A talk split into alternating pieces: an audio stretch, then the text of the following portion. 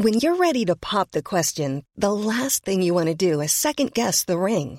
At Bluenile.com, you can design a one of a kind ring with the ease and convenience of shopping online. Choose your diamond and setting. When you find the one, you'll get it delivered right to your door. Go to Bluenile.com and use promo code LISTEN to get $50 off your purchase of $500 or more. That's code LISTEN at Bluenile.com for $50 off your purchase.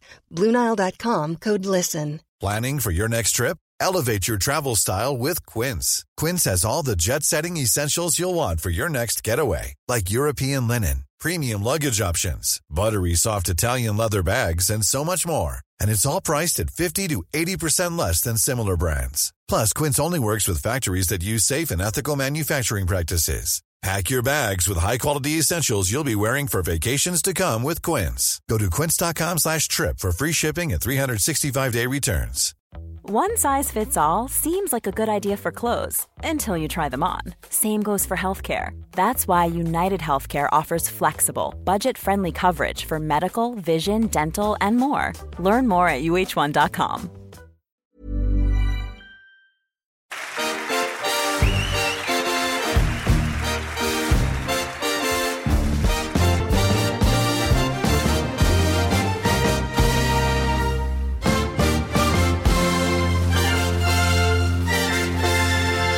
Du lyssnar på Fotboll i fotboll och eh, vi är tillbaka med ett nytt gästavsnitt. Ja, ett eh, gästavsnitt som vi har velat få till eh, väldigt länge men som vi har fått vänta lite på på grund av lite olika situationer som vi har hamnat i. Vem har vi med oss? Enes Ahmetovic från Värnamo då. Ja, kul att ha dig här. Tack så mycket för att jag fick komma. Kul Ja. att vara här. Du har varit med tidigare på telefon. Kommer du ihåg det? Det kommer jag ihåg. Då stod jag på Bromma hotell. Ja. Eh, Det var inför matchen mot uh, antingen BP eller Djurgården. borta. Djurgården. Djurgården var det. jag kommer ihåg jag Ja. messade efter matchen och jag är jävligt nöjd. Ja, ja, ja. Såklart. Det har gått bra för oss uppe i Stockholm eh, ända fram till sista matchen mot Ja. laget här. Så Mm. att, ja. Men verkligen. Är särskilt mot Hammarby va? Lite extra. Jag måste ge tillbaka något. Eh, På rent allmänt eh, mår jag bra på Söderstadion eller Tele2 beroende på vad man vill kalla den. Jag har inte varit med och torskat för när vi torskade förra året 5-0 mot Djurgården då var jag i Nigeria och scoutade. Ja. och bortsett från det så har vi ju slagit Bayern gånger två och Exakt. Djurgården i år då. Så att jag har bra upplevelser. Ja. Hur kan det komma sig att ni har så enkelt där då?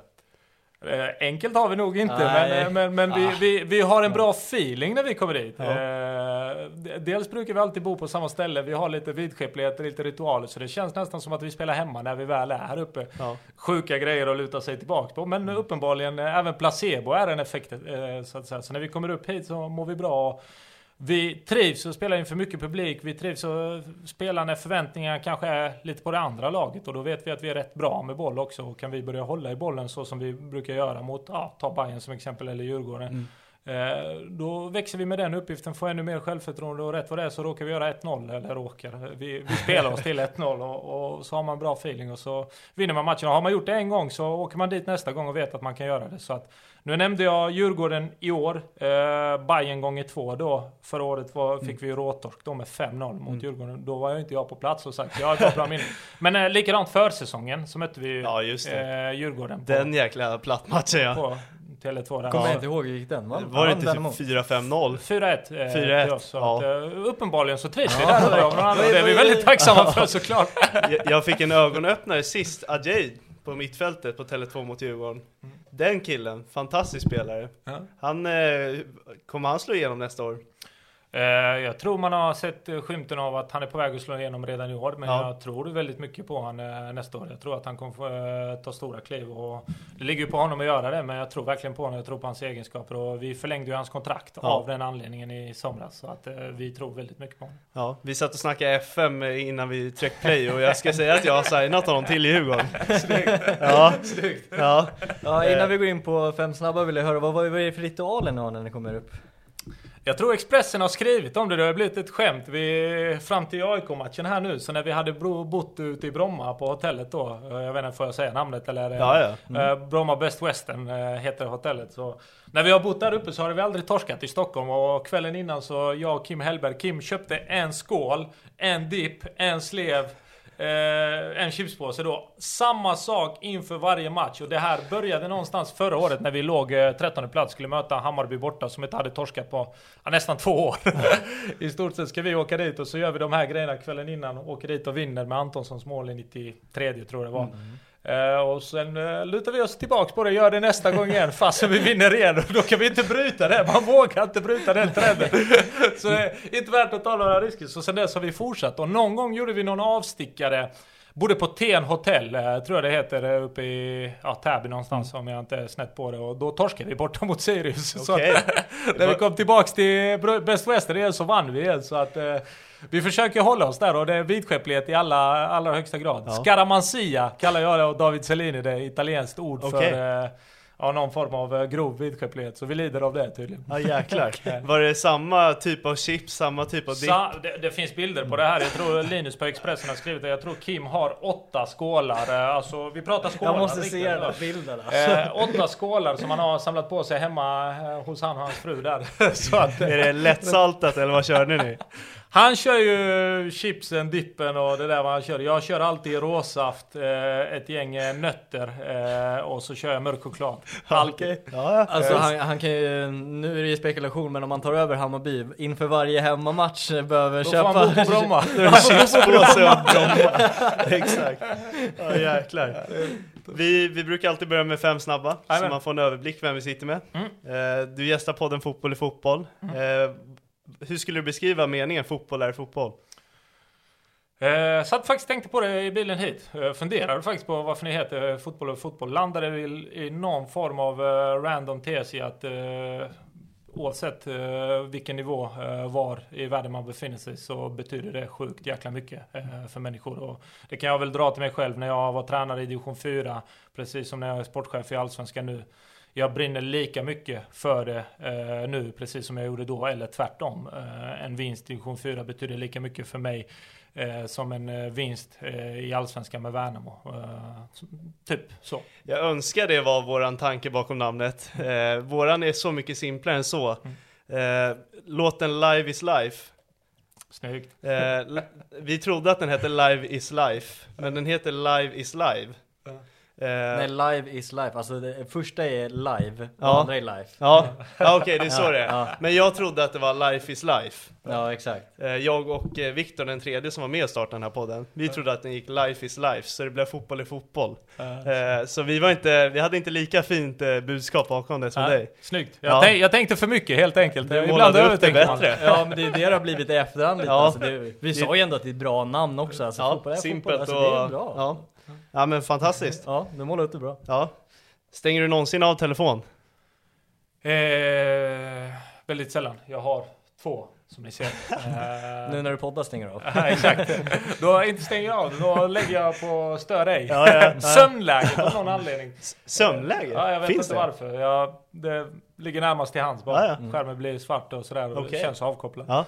Eh, men eh, bortsett från det, jag har två stycken. Den svarta där som ni ser, det ser ju inte de som lyssnar, men jag har en Mm. svart telefon då. Den är för eh, alla innan, eh, innanför klubben. Mm. Eh, så att alla, jag vill vara tillgänglig för alla i min klubb när som helst, när de behöver, oavsett om det är tränare, spelare, klubbchef eller vad det kan tänkas vara. Så vill jag att människor som jag är nära, människor som jag jobbar med ska kunna nå mig. Eh, även om det på, ibland blir på bekostnad av mig själv så är det till en stor vinst för mig själv eh, som sportchef och till min klubb och det känner jag är viktigt för mig. Utöver det så är den svarta till för familj och vänner Mm. eh, också. Den röda där som ni ser, det är egentligen alla externt. Eh, Det är från media, agenter, nej.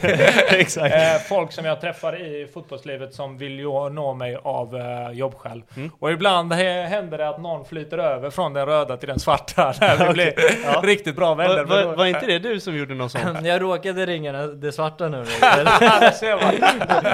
För jag frågade om numret till Enes och så fick jag ett nummer så ringer jag och Då var, privat. då var jag chockad över hur han hade Ja, fått ja. tag i det. För det finns, långt innan jag blev sportchef, eller långt innan, en månad innan jag blev sportchef så gick jag in och tog bort mitt nummer eh, på alla sajter och la in arbetstelefonen då så att folk kan nå mig Ja. om de vill det.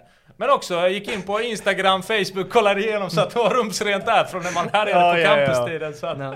jag Okej. gjorde en liten förberedelse ja, innan jag klev ja. på sportchefsrollen. Snyggt.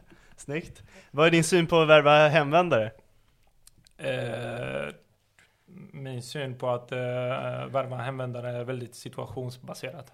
Eh, min syn på att värva överhuvudtaget är väl att ha en eh, tydlig truppdemografi, tydlig truppstrategi med, eh, jag har en, eh, hur ska man förklara det, Ja, en eh, visualisering som jag använder mig väldigt mycket av. Ingen raketforskning bakom det överhuvudtaget. Jag tror att många kan göra det. är väldigt simpelt och väldigt bra. Men jag jobbar utifrån en där jag procentuellt definierat hur många som ska vara i kategorin som inte har slagit ännu, det vill säga någonstans mellan 19 och neråt eller kanske 20 och neråt. Och sen vill jag gärna ha en stor majoritet utan att gå in på exakta siffror mellan 21 till 25 som får spela eh, då. Och sen vill jag bara ha ett fåtal i översta åldern och de ska vara presterare, det vill säga de ska vara på plan och spela. Börjar de flyta ner i den andra boxen där de inte spelar, då vill inte de vara kvar. De kostar förmodligen mig mycket pengar.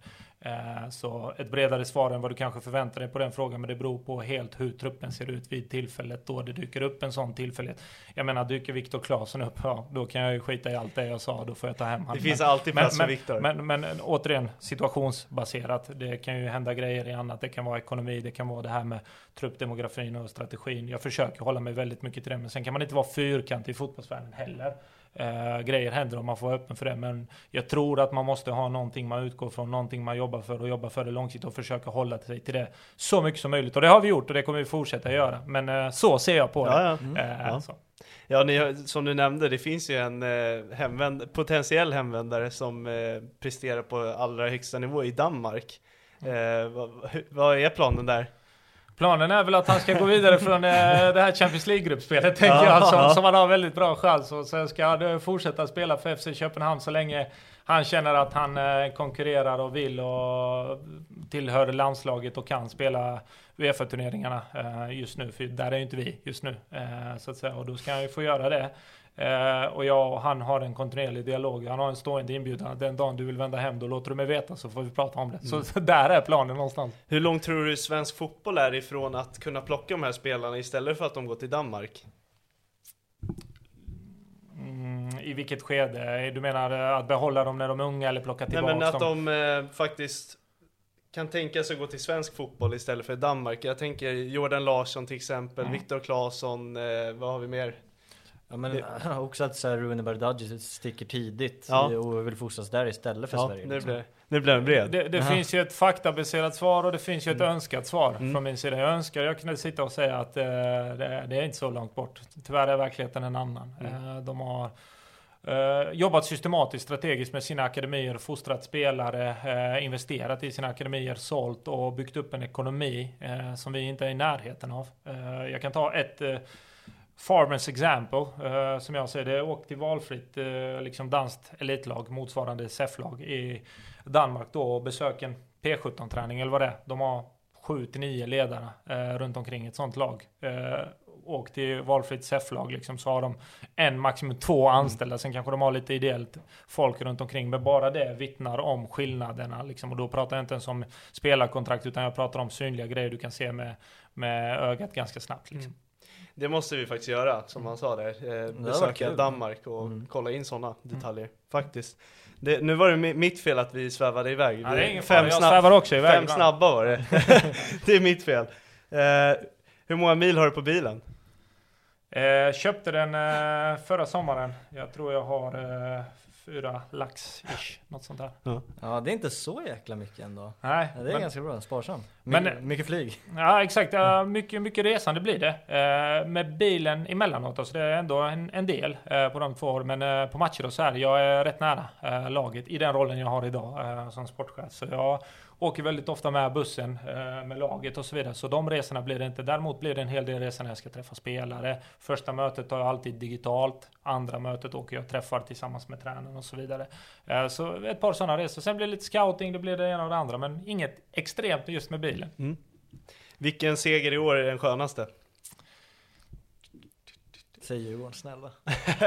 alltså det, lite olika distinktioner på, på svaren här. En av de absolut skönaste, vilket också är hjärteskärande för någon annan, är ju Marcus Bergs eh, avgörande i 90 i egen kasse för oss i premiär. Just alltså det, det. är klart att det blir en extas när du har räknat hem att okej, okay, vi tar med oss en pinne hem här och han nickar den i eget och det är det jag menar, det är ju hjärteskärande för det är en fantastisk fotbollsspelare, en fin människa. Det är inte så att man vill att han ska må dåligt i det. Nickar in 1-0, man blir extas, liksom firar det. Så den var ju grym på det sättet att man får avgöra i 90 Eh, sen har vi en hel del matcher. Djurgården borta eh, gör vi riktigt bra, vinner den. Den är skön på det sättet att vi gör en grym prestation, liksom Bayern borta. Men den som kanske ändå tar priset är ju faktiskt Mjällby borta skulle jag påstå. När vi, mm. när vi får ett kort på Grozdanic i första halvlek liksom. Eh, då vi ligger under och vänder ändå. Varav eh, avgörande målet kom ut sjunde tror jag mm. från Gustav Den, den eh, kändes riktigt bra. Ja. Så.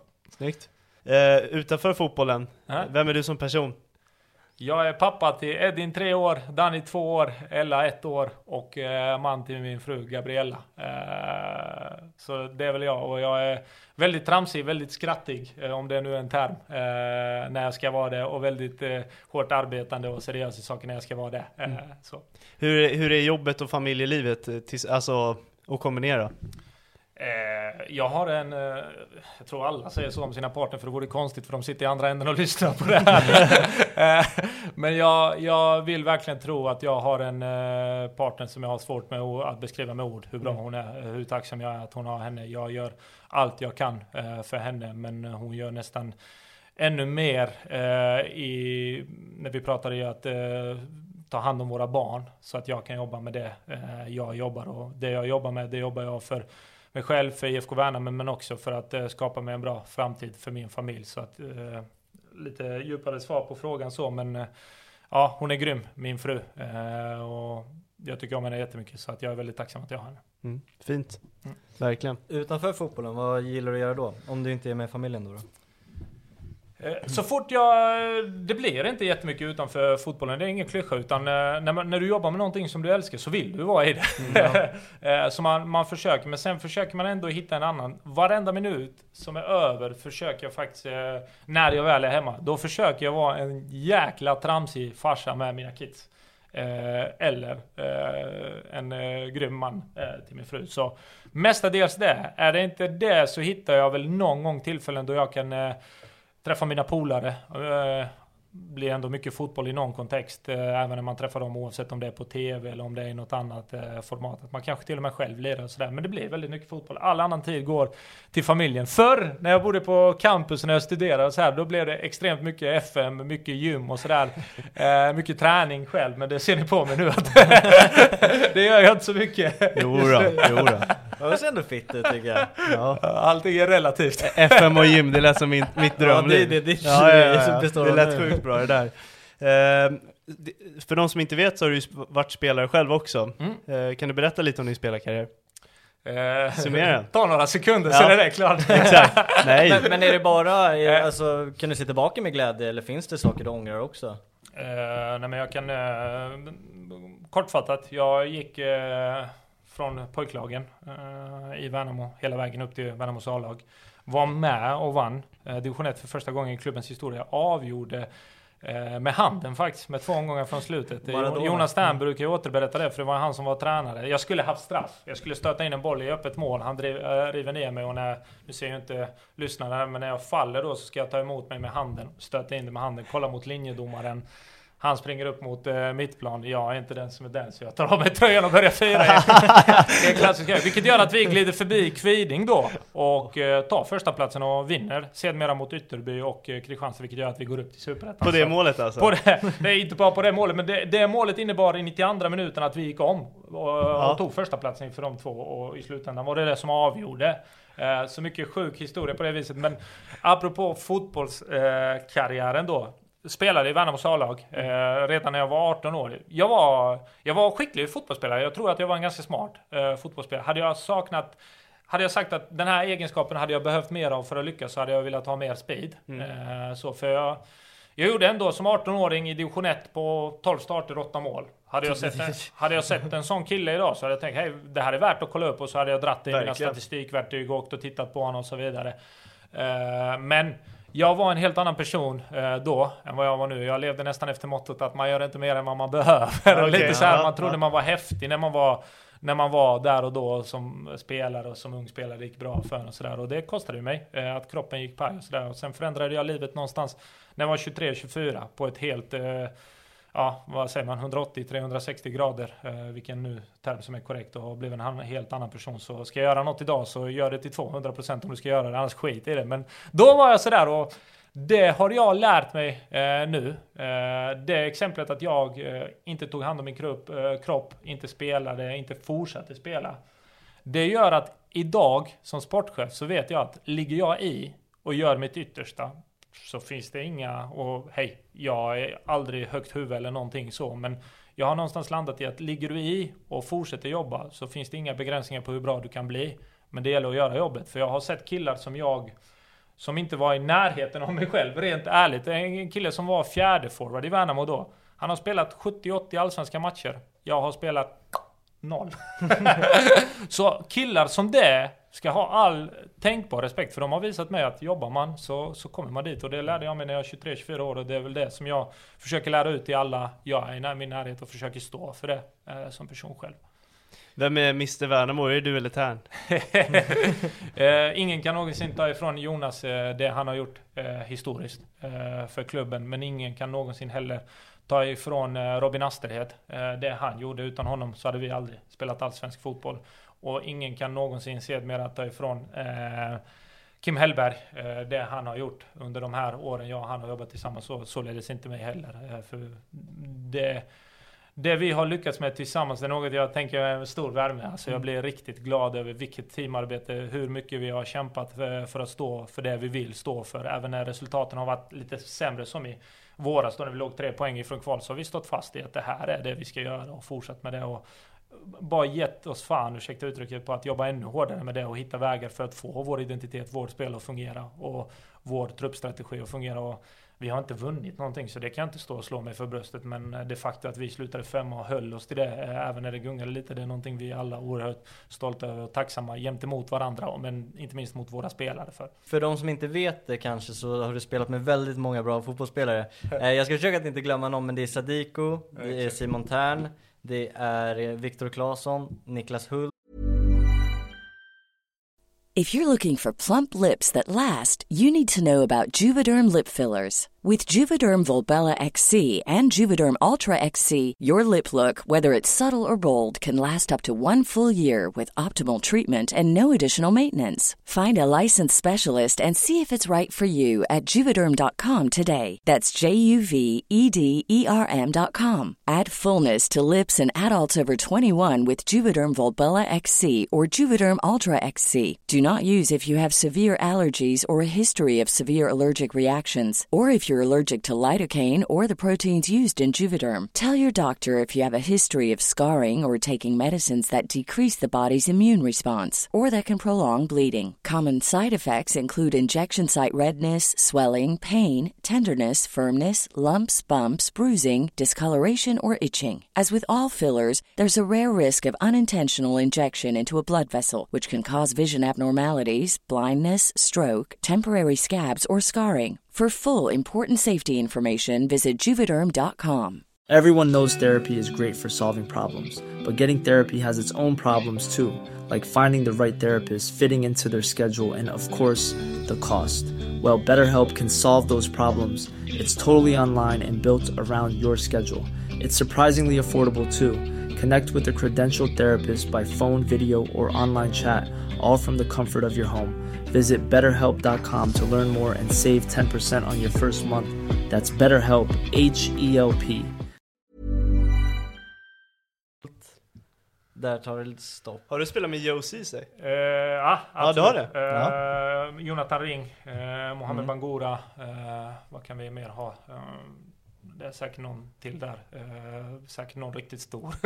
så har vi det sagt också. Så att vi inte trampar dem på tårna. Eh, nej men det, det stämmer. Ja. Ja. Visste du att de skulle bli så bra fotbollsspelare så som de är idag? Eh, vid den tiden när du spelade med dem? Utan att gå in på allihopa, men jag kan ta två eh, som exempel. Eller tre, tre kanske. Jag, jag kanske flyter in på låret också. Så det gick mm. Eh, Niklas Hult och jag spelade, vi är födda 90 eh, båda två. Eh, ni vet sjumannar, eh, då tar man bollen och dribblar. Jag var en sån, han var den andra. Så vi tävlade om vem som skulle göra flest mål. det kom upp så här 50-60 baljer på, ja, det, var, det gick på den tiden liksom. Eh, på sjumannar. Och jag tävlade alltid med Niklas, så när vi var yngre så, nu pratar vi sjumannar, så kunde jag slå honom ibland i att göra fler mål och jada, jada. Sen ville vi varandra väldigt väl redan tidigt. Men någonstans i grund och botten när vi flöt över till 11 man och även i slutet på 7 så visste jag att den här killen kommer gå hur långt som helst. För oavsett när vi ställdes mot någon, oavsett om det var cupfinal, semifinal. Och det betydde mycket. Alltså även om jag pratar lågt ner i åldrarna för en unge eh, eller för kids som vi var då så blev det puls och viktiga saker. Eh, så, så tog han tag i det, avgjorde. Eh, alltid när det var lite stelt tog han och drev igenom och hittade någon kreativ lösning. Medan en annan kanske blev lite mer krampaktig. Då. Det tyckte jag var den stora skillnaden mellan mig och honom i tidig ålder. Vilket gjorde att jag fattade att den här killen, det finns aldrig någon bättre liksom. Oavsett. Och sen när vi kom upp i 11 så hade han skallen, han hade speeden, han hade mycket som jag inte hade och var klart bättre. Så jag fattade hela tiden att han skulle bli betydligt bättre än vad jag själv var. Och således, jag trodde att jag hade en god chans när jag var riktigt liten och bli bra. Och jag var helt säker på att han skulle bli det. Och det blev han också. Vilket eh, man unnar honom eh, av hela sitt hjärta. Viktor Claesson, inget att snacka om. När jag var 16-17 år, han kom upp som 14-15-åring, började spela med oss. Det behövdes ingen raketforskare för att säga att han skulle bli bra. Mm. Utan det bara fattade man. Eh, och Loret Sadiko, uh, fram till han var... Nu går det att diskutera såklart, och speciellt du som håller uh, på Bayern Men fram till, uh, fram till han var någonstans 23-24 år så hade jag aldrig sett han göra en dålig match hela sitt liv. det var bara en naturlig talang. Oavsett om vi spelade på gården eller om vi spelade match liksom, så hade jag aldrig sett han... Han hade en otroligt hög lägstanivå. Eh, också en bra högstanivå, men lägstanivån var otroligt jämn och hög. Och gjorde aldrig en dålig match. Förlorade inte ens ett motlägg ever. typ, han var motläggskungen i Värnamo. Så att, med, med, honom så bara kände man att uh, fastän den här killen kommer bli bra. Han, han hade inga X-faktorer, han var bara otroligt smart. Mm. Och sen uh, hyfsat bra på allt annat. Mm. Men uh, jämn i prestationerna. Uh, När spelade du med Joe Ceesay? Uh, Joe Ceesay uh, i uh, IFK Värnamo när ja. han var där. Men också under hela ska säga, gymnasieperioden. För okay. vi hade ju fotbollsgymnasiet i Värnamo. Då, ja. då fanns det ju inte nio på den tiden utan det var Jonas Stans uh, fot mm. fotbollsgymnasium. Just det. så, så då. Ja. Också en otrolig det är en, det är en häftig kille. Ja, mycket häftig. Han har varit med här förut. Så. Ja. Han har varit med han, här. Han, uppskattar vi. Ja. Snyggt. Ja, väldigt fin person. Ja, verkligen. Han eh, kan fortfarande lira, ja. trots allt han har gått igenom. Han kan säkert eh, snurra upp någon duktigt ja. Ja, ja. vi, vi måste försöka värva honom till vårt lag, division ja. 7-laget. Men han hade ju problem med hälsenan. Ja, fast när jag kollar på hans Instagram ser det inte ut som det alltså. Det är skott i kryss efter skott i kryss. Ja. Eh, yngsta sportchefen har vi en rubrik. Inte, visst, inte längre va? Nej. Nej, men visste du det då? Ja. När, du, när du blev akademi och sportchef, eh, visste då, du att så, så, så, här, så här är det Alla som jobbar inom den här världen har koll på ganska mycket sånt. Mm. Sen är vissa ärliga och säger det. Andra låtsas så här, äh, egen aning. Det är klart att jag hade full koll på det. Äh, så precis som jag visste nu att jag inte är det längre. Vi har väl Filip Bellund och Jonathan i Sirius ja. som är yngre just nu. Fantastiska mm. killar som, mm, som gör bra saker. Så. Men det hade jag full koll på. Och det var någonting det var någonting, alltså det blir ett kvitto liksom. Uh, har, du, har du någonsin haft det på Instagram-bion? Ja, ja, ja, sportchef? Ja, ja, ja, inte på Instagram men uh, på någonstans har jag haft ja, det. Är så. Jag, jag, tror inte jag har haft, eh, kanske inte formuleringen utan jag har haft sportchef plus åldern. Ja, ja, ja, helt rätt. inte formuleringen i sig, det känns lite väl too much men jag har nog uh, Eh, någonstans i min, någon tacksamhetsutläggning ja, ja. Eh, nämnt det att det känns häftigt för mig. Och det är klart att det har varit häftigt, herregud. Men det var, det var likadant när man fick sportchefsjobbet. Uh, vrålhäftigt. Uh, mm. Och det kan man fira en, två dagar och sen nästa dag är det dig man tittar på. Du ska ta ansvaret så man kan inte stå där. Hej, vad härligt att jag är sportchef. Utan nästa dag måste man ta ansvar för den uppgiften. Och så har det blivit och så har man fått jobba sen dess. Men grymt uh, roligt. Hur var första dagen som en sportchef? Hur kommer man in i det där? nu man, hade jag, man måste hade, vara vilsen eller? Ja men det är, det är klart. nu hade jag redan varit i IFK Värnamo när jag fick sportchefsrollen eh, i akademin och i Uniton och, och, så vidare. Parallellt så hade jag haft ett chefsuppdrag på, på ett företag som heter Visma, ett toppföretag. Älskar att jobba där. Och mycket tack vare det jobbet på det företaget med de människorna, eh, Visma som då är ett grymt stort företag. Så du får verkligen lära dig strukturer, strategier, inte fotbollsstrategier, men eh, strategitänk och, och så vidare överlag och organisationstänk som jag tror man har stor vinning av i fotboll. Precis som man i fotboll, eh, på Visma kan ha stora eh, vinningar av vad folk i fotbollen gör. Så att med det sagt, eh, tack vare att jag hade jobbat på Visma, jag hade varit tränare, jag hade varit spelare, eh, jag hade varit i Värnamos akademi, så kände jag att jag hade en otroligt stabil grund att gå in på. Och eh, strategiskt och uppstyrd organisatoriskt. Det gjorde det enklare för mig än vad jag tror att det hade varit annars att bara stytta in. För dyker upp något, man skriver ner det, man börjar sortera ut det, lägger upp det i ett eh, strategiskt landskap eller en to-do-list eller i kalendern och sådär. Och så fångar man upp allting och så får man ta det lite som det kommer. Uh, för det var inte så att jag fick en onboarding på två, tre månader. Här får du vara ny i jobbet. Utan det bara smack rätt in liksom. Ingen uh, lärlingstid. Uh, exakt. Sen hade jag bra stöttning med människor runt omkring mig. Men hej, Värnamo är en växande klubb. Det är inte så att vi har onboardingprocesser på sex månader. Definitivt inte då. Så att det var in och köra liksom. Och sen har jag sett mycket vad Håkan Söderberg tidigare har gjort. Pratat mycket med honom. Tagit väldigt mycket hjälp av honom tidigare. Precis som många andra i föreningen. som jag är väldigt tacksam över. Så att jag ska inte påstå att jag på något sätt kastades till vargarna själv, men uh, själva uppdraget i sig är att kastas till vargarna uh, innan man kommer in i det. Och dessutom så var jag både akademichef och sportchef då, så att det var ett brett uh, spann. Men det, det har känts grymt och jag har haft all tänkbar stöttning jag kan få. Vad är favoritdelen med att vara sportchef? Favoritjobb? alla människor man lär känna. Mm. jag kanske märks på mig, jag hoppas att det märks på mig. Jag i mitt ledarskap eh, eh, brinner mycket för att bygga relationer. Vi bygger mycket för att eh, omtanke mot varandra, respekt för varandra, vilja varandra väl, vilja jobba för varandra väl. Jag är en glad person eh, som gillar när människor på jobbet skrattar, när det är läge för skratt och trams. Och eh, kombinera det med hårt arbete och leverans när det är dags för det. Eh, det är den jag vill vara. Det är den ledaren jag vill vara. Det innebär inte att jag inte har andra saker i verktygslådan eh, som att man ibland behöver smälla ner handen och vara tydlig i det. Men det är inte vem jag vill gå runt och vara i vardagen. Så det, eh, sen behöver det tas till ibland, men den jag vill vara och det jag tycker absolut är roligast är att eh, bygga organisationer, vara med människorna i organisationen. Eh, skapar man inte en miljö där man vill vara, då ska jag out, för då vill jag inte vara där, liksom om jag är på fel ställe. Så ärlig måste jag vara mot mig själv i Värnamo. Och i de organisationer jag har varit har jag känt, och, återigen, skapa en miljö. Så vi har skapat dundermiljö där folk trivs liksom, eh, på jobbet och så även eh, jag själv. Så det skulle jag vilja påstå det absolut roligaste eh, som ett enkelt svar i prioritetsordning nummer två är väl att när man får ihop en deal som ingen räknade med. Eh, mm. Det är väl ungefär som att stöta in den här bollen mot Rosengård borta med handen. I adrenalin. Exakt. Nej men di, di, eh, din beskrivning av dig själv tycker jag verkligen stämmer. Eh, man märkte att du ändå vill vara här och glad och hälsar och sen åkte vi på en intervju innan den här uh och det tror jag inte har hänt förut att, folk, att någon har frågat oss varför vi startade och hur det kommer sig och det har väl hänt. Ja, lite in... efter sådär, ja. lite eftersnack och sådär, ja. men innan de verkligen bryr sig. Men det tycker jag verkligen märks. Ja, det utstrålar det, så det, det ska du ha. Ja, tack men, så mycket. Men hur funkar det med tider? Jag tänker sportchef är ett eh, jobb som tar väldigt mycket tid, särskilt om du är akademichef på det också. Ehm, du var inne på det lite tidigare där med familjen. Du hade ju en familj väldigt tidigt med fru och barn. Mm. Ehm, hur kände de över ditt sportchefsjobb? Eh, svårt att svara på utan ni, ni märker jag är en pratglad herre. Ibland får man be mig hålla flabben helt enkelt.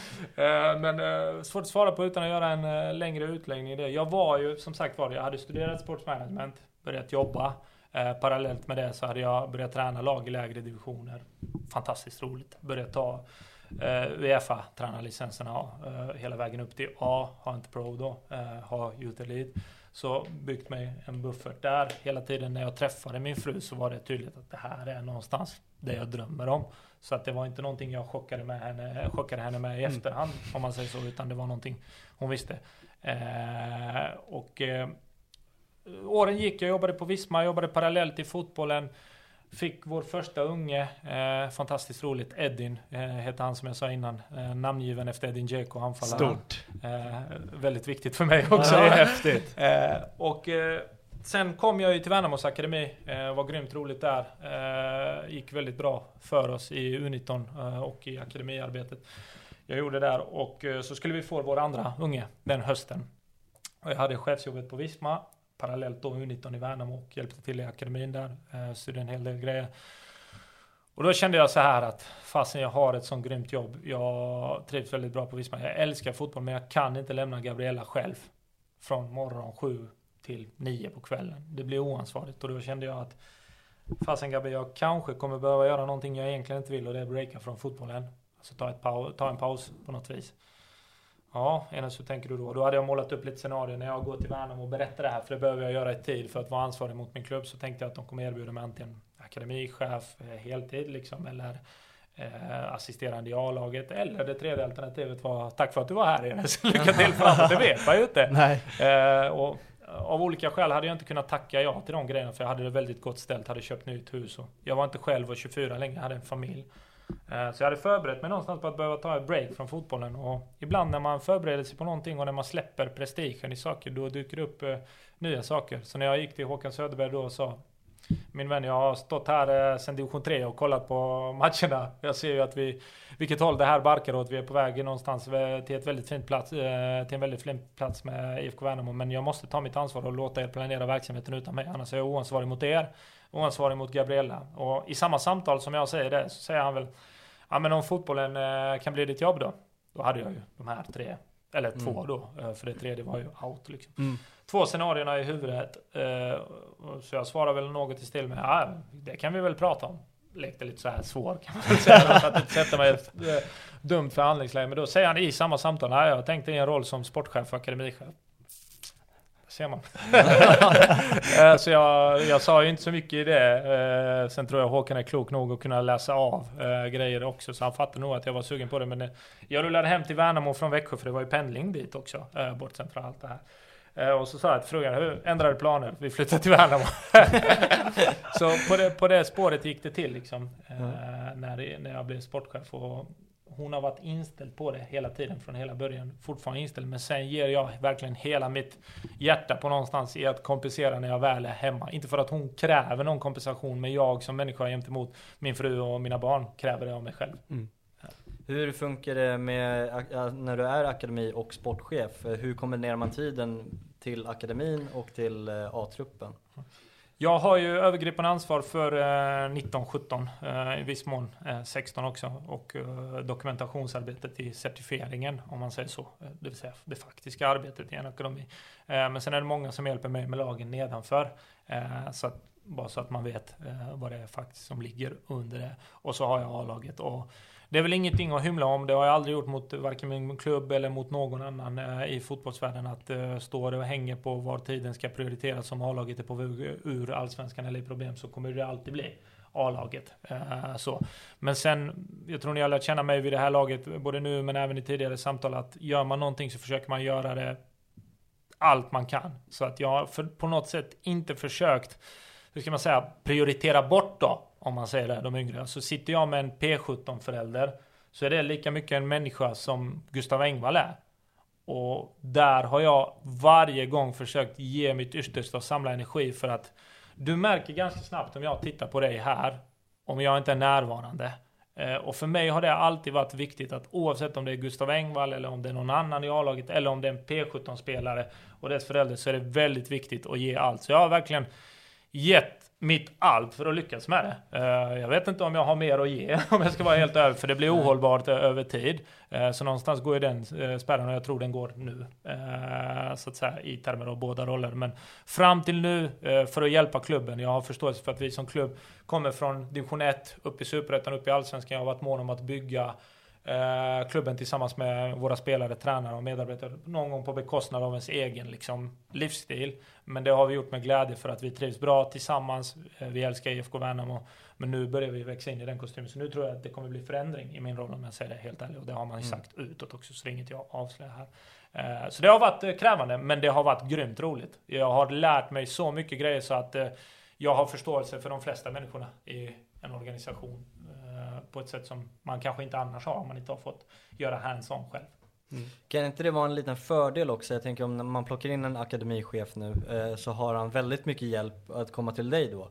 Ehm, nu sa ju du att du fick väldigt mycket hjälp då också men tror du att han som kommer in och blir akademichef nu har väldigt mycket fördelar av att du har varit det tidigare och kan vara närvarande till honom? Eh, Eh, ja, men det är alltså eh, inte, inte nödvändigtvis på grund av mig. Det är klart att det är skönt för den personen att ha mig, för jag kommer vilja hjälpa den personen. Utan jag tror att det är för att vi som klubb har kommit eh, någonstans längs vägen. Liksom. Och det finns bättre strukturer som jag och många andra har varit med och byggt upp. Så det liksom, det, det är en parameter, men framförallt är den stora parametern att vi har satt strukturer tillsammans som, som finns i klubben som underlättar kanske, som inte fanns på det sättet när jag eh, kom in. Eh, så jag vill inte mm. lägga den på mig själv. Nej, nej, så att, det, att det är jättebra för någon annan att ha mig.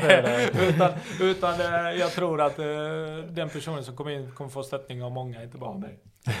Eh, vad är det, eh, sen division 1 och framåt till nu när ni är på en femte plats i Allsvenskan. Vad har varit era röda trådar och era riktlinjer för att ta er upp där ni är idag?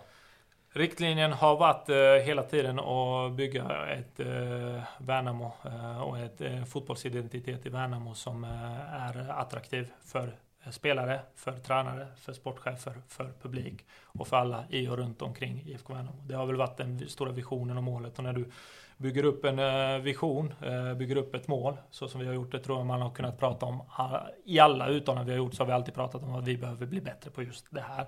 Så är det enkelt att sätta ner objectives, alltså mål, därunder och actions eh, därefter oavsett om det vi pratar i träningsmiljön eller om vi pratar i truppdemografier eller vi pratar akademi så synkar ju allt upp till det här målet och visionen vi pratar om. Men för att svara inte på så företagsmässigt sätt som jag gjorde utan för att svara på det fotbollsmässigt sätt. Vi hade kunnat göra olika. Eh, det finns eh, filosofier. I, i, I fotboll finns det aldrig någon rätt eller fel filosofi. Vi kan ta oss och ta Varberg som ett exempel. Varberg har en filosofi, vi har en filosofi. Jag tror att båda lagen har två skittydliga filosofier. Eh, ett av de lagen som har tydliga. Jag kan inte påstå att alla har det, men jag nämner oss och Varberg som några av klubbarna som har det. Eh, och eh, Varberg spelar på ett sätt som eh, var väldigt mycket liksom fasta situationer, kontra och så vidare. Klarade sig fyra år i Allsvenskan på det. Mm. Så missförstå mig inte i något annat än att jag har största tänkbara respekt för Varberg. För jag vet vilka resurser de har. Att då klara sig i Allsvenskan fyra år med det. Jag lyfter på alla tänkbara hattar. Och hade jag gjort det, om vi nu är kvar i fyra år, eller bygger något ännu starkare av det, så kommer jag vara den första att slå mig för bröstet. Så jag menar verkligen inget illa om Varberg. Tvärtom, all hyllning. Mm. Men jag tror också att väljer man den approachen, och det här är jag som tror, ja. återigen, det finns inga rätt eller fel, och vi som klubb som tror. Väljer man den approachen så blir det ofta väldigt mycket fight to live another day. Alltså du spelar för att överleva. Mm. Uh, överlever du allsvenskan i år, så överlever du kanske nästa år också, eller så är du runt kval, och så kanske nästa år också.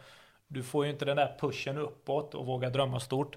Vi gick ju in i Allsvenskan med approachen att vi ska fortsätta med exakt det här vi har påbörjat en gång i tiden, som människor långt innan mig påbörjade. Och det ska vi göra genom att vara attraktiva. Vi ska fortsätta utveckla vårt spel. Vi ska fortsätta utveckla våra spelare, för det krävs mer av spelare, vill jag tro, och spela på det. Återigen, vill jag tro. Så att inte jag står och leker någon besserwisser. Det krävs mer av våra tränare att utveckla den typen av spel och lyckas med det. Det krävs mer av sportchefer och klubbar att lyckas med det här. Men kan vi lyckas med det här? Hej, vi kanske åker ut första, andra året. Det jag sa, vi kanske åker ut nästa år. Men ska vi någonsin, och det här har jag sagt de senaste två åren, våga drömma om topp 10, topp 8, topp 6, vad det kan vara. Då är det här enda sättet för att bli attraktiva, kunna locka spelare så som vi har kunnat göra med Antonsson, Engvall och så vidare. För att kunna sälja spelare. För att våra spelare som finns i truppen också ska få en högre eh, nivå i sig. Det vill säga utvecklas för att vi tillsammans ska bli bättre. Och nu är vi femma liksom. Eh, så någonstans har vi ju tagit kliv på vägen och det gläder mig väldigt mycket. Men det är av den anledningen vi håller på. Det är väl det vi i Värnamo. Det ska vi fortsätta göra framåt också utan att döma det på ett eller två års tabellplaceringar framåt. Utan det är viktigt att se var kan vi vara om tre, fyra år. Och får vi då ett år där vi slutar sjua, ett år där vi slutar elva, men där vi kan nå Europa om fyra år. Då tror jag alla i Värnamo är väldigt glada. Och det tror jag, det enda vägen till det är att spela fotboll på det sättet vi gör. Hur, hur långt, alltså utan att stirra sig blind på tabellen, men hur långt var en femte plats på planen? Alltså det, ni kan väl omöjligt ha tänkt så här, andra året i Allsvenskan, då ska vi sluta upp på femte plats? Vi, vi som har jobbat i föreningen, vi har känt att vi har något väldigt bra på gång. Men att vi skulle gå ut och säga att vi tror att vi kommer till upp 6, det, det, det, tror jag vi alla hade tagit och till och med kunnat betala stora belopp för på förhand. liksom, hade jag vetat det att eh, jag kommer eh, topp 6 i Allsvenskan, jag hade sagt fan eh, jag offrar bilen här, ger den till, till, till dem. Liksom. Så mycket hade jag varit beredd att ge för det. Liksom. Men så med det sagt, en skämtsam parallell till att det trodde vi ju inte riktigt heller, även om vi visste att vi var grymt bra och vi var på väg åt någonting. Eh, så, så att vi är väldigt nöjda över femteplatsen. Nu vet vi vad vi har i oss. Vi har trott på oss själva hela tiden. Nu har vi befäst det i termer av en tabellplacering också. Men återigen, det vi kommer mäta nästa år, det är inte nödvändigtvis om vi kommer femma, fyra eller om vi kommer nia. Det är om vi kan befästa vår identitet genom våra KPI, vårt sätt att spela. För då kan resultatet i form av tabellplacering kvitta en, två år. Speciellt återigen kontextuellt mm. baserat vid IFK Värnamo. Då kan det kvitta så länge vi kan få den stora piken. Vilket kanske är någon gång topp fyra. Mm. Topp tre, inte du, du nämnde att ni lyckades locka in Gustav Engvall och sånt. Hur mycket tror du en sån här hög placering kan eh, betyda för att locka in ännu större namn? Mm. Alltså vi har ju suttit i de här mötena, jag har suttit i de här mötena i snart två år med ja. alla spelare och jag märker för varje gång eh, vi gör den så, ett, vi blir skickligare på att sälja in det. Ja. Eh, vi har ett koncept där som eh, vi får mycket feedback från, från agenter fastän vi har aldrig stött på någon klubb som jobbar på, på det viset. Grymt liksom. Ni välter spelare varje gång. Så ett, har vi blivit skickligare på det. Två, det har också blivit enklare för oss av just den anledningen. För att vi kan sitta och prata videoklipp, statistik, KPI och våra tankar, våra personligheter, våra mänskliga sidor hur mycket vi vill. I slutet av dagen är allt faktabaserat i termer av att ett, spelarna pratar om oss. Två, det finns tillgängligt för alla. Alla kan se matcherna. Och tre, det sprids av allt och alla mm. genom word of mouth. Och det är ju någonstans synergieffekten. Vi har aldrig haft ett självändamål i att vi ska vara något säg mini-Brighton som jag har läst i någon kommentar. Eller, jag har hört den också faktiskt. Någon, någon Barcelona. Utan vi har haft självändamålet i det jag sa tidigare. Ska vi ha någon gång någon chans om att våga drömma högre så är det det. Mm. Sen är det här väldigt roliga synergier. Alltså det är roligt att uppfatta som att man gör något roligt. Och, och häftigt. Så att det glädjer oss. Men det har ju gett ringar på vattnet och det gör, det gör det enklare för mig att rekrytera. Sen, sen äh, finns det ändå alltid saker som definierar ändå. Jag kan göra precis vad jag vill. Om du kommer och hostar upp det dubbla ibland så, så är jag rökt ändå. Mm. Det finns ju, om jag spinner vidare lite på det där så finns det lite olika sätt att driva Värnamo framåt nu. Mm. Jag tänker, ska Värnamo bli mer av en klubb att Ja men nu blir det fler ledare in eh, så att om du vill sluta någon dag så kan man plocka in en ny, eller till exempel nu när man tappar Kim Hellberg, att det kommer en ny direkt som kan klubben. Att man alltid kan tappa en person inom klubben utan att det gör någonting. Och likadant med spelarna också. Sen tänker jag, ska man bli den här klubben när man tar upp de yngre hela tiden, blir en säljande klubb, eh, mm. man plockar upp talanger, säljer dem vidare, plockar in en ny och uppåt sådär. Eller ska man plocka in högklassspelare och liksom fortsätta ungefär lite så som man gör nu. Om du förstår ungefär vägdelningen vad jag menar ja, jag, på jag framtiden. Om, om, jag börjar utanför planen då, för du först var det tränare och, och så vidare och mm. sen gled vi in. Eh, utanför planen så, så vill jag alltid försöka och det vill jag att eh, min klubb, och det har vi gjort, jobbar med någon form av successionstänk. Eh, I det här fallet gjorde vi det. vi tog in Anis för ett år sedan.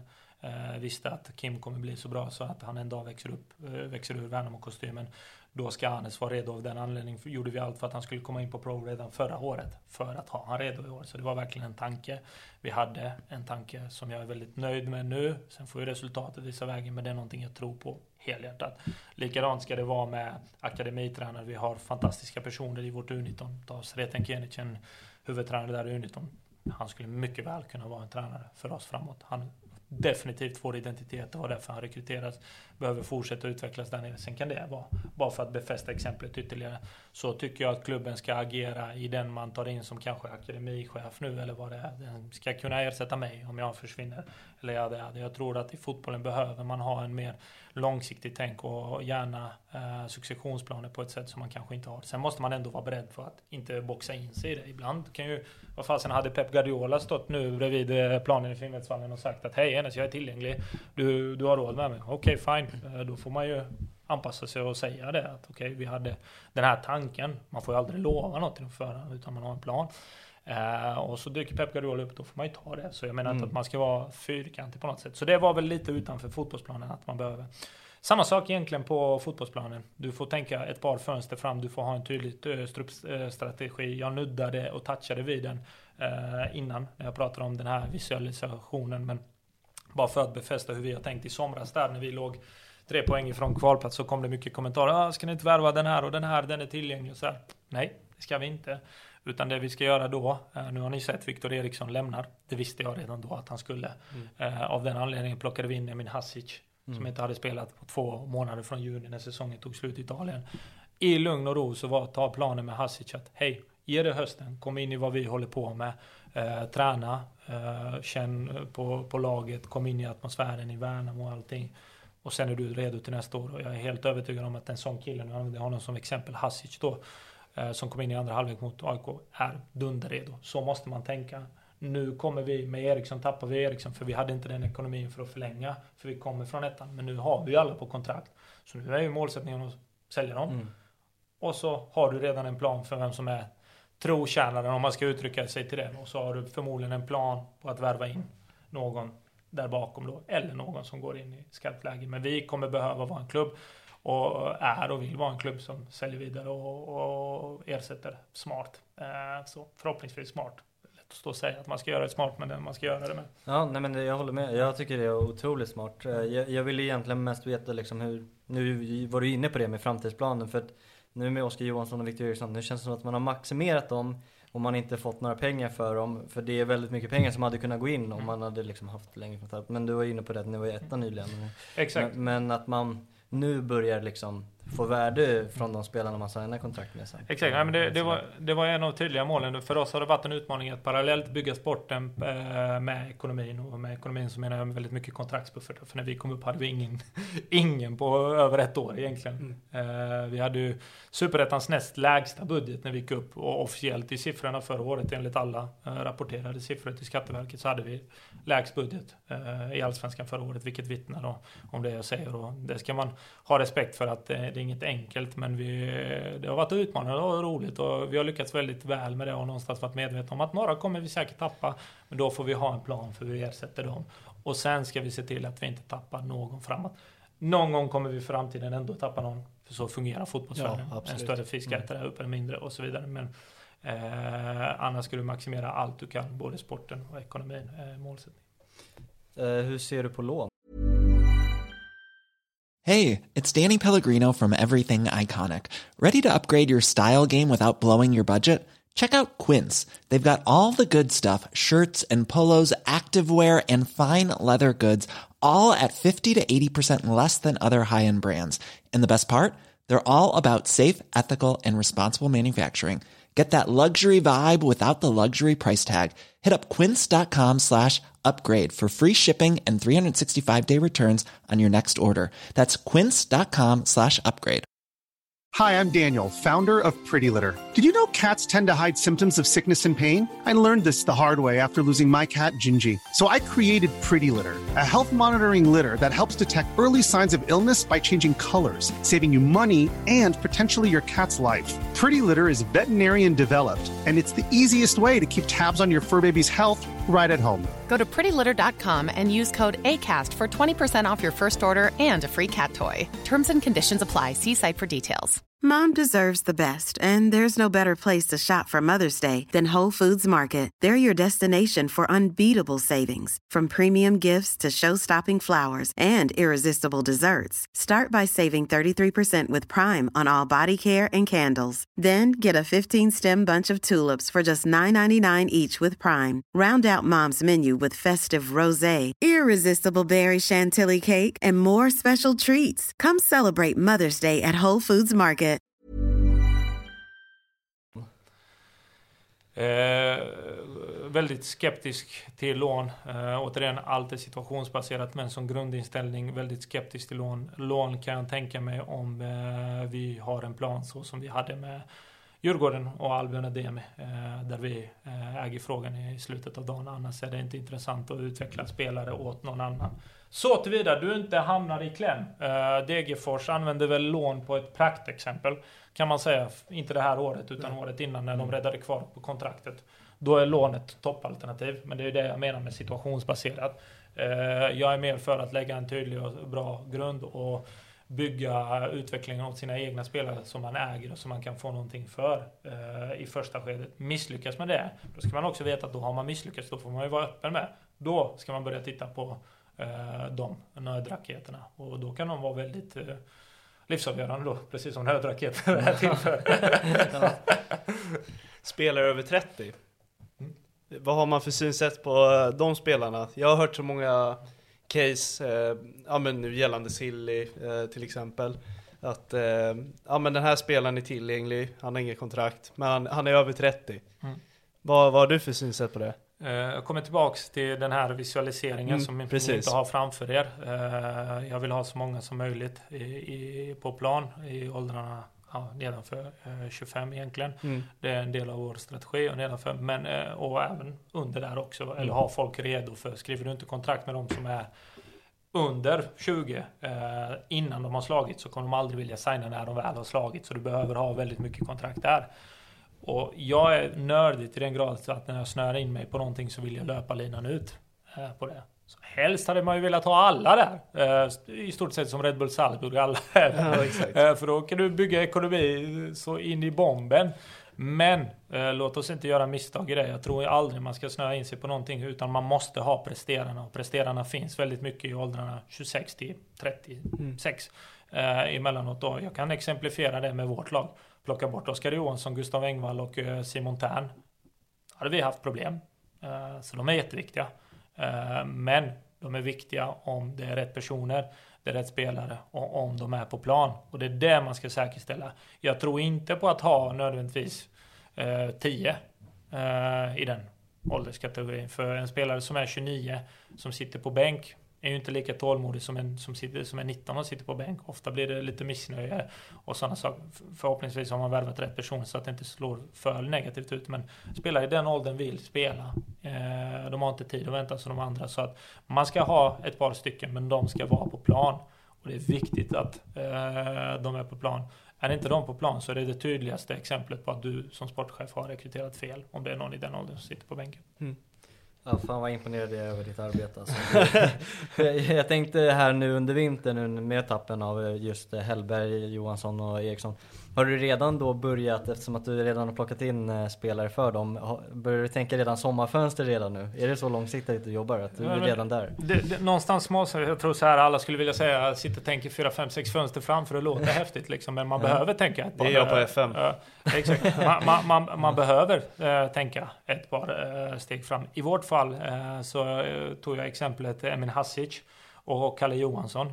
Eh, båda två säsonger tog slut i juni. Kalle tog vi från Venlo i Holland, Hasic Mm, från Lecce mm. som jag sa i Italien. Och båda plockade vi in i slutet av augusti där. Båda hade avslutat sin säsong i början av juni. Där var vi rätt tydliga. Ni fantastiska bra, eh, fantastiskt bra sp- fotbollsspelare. Rimmar exakt med vad vi vill hålla på med.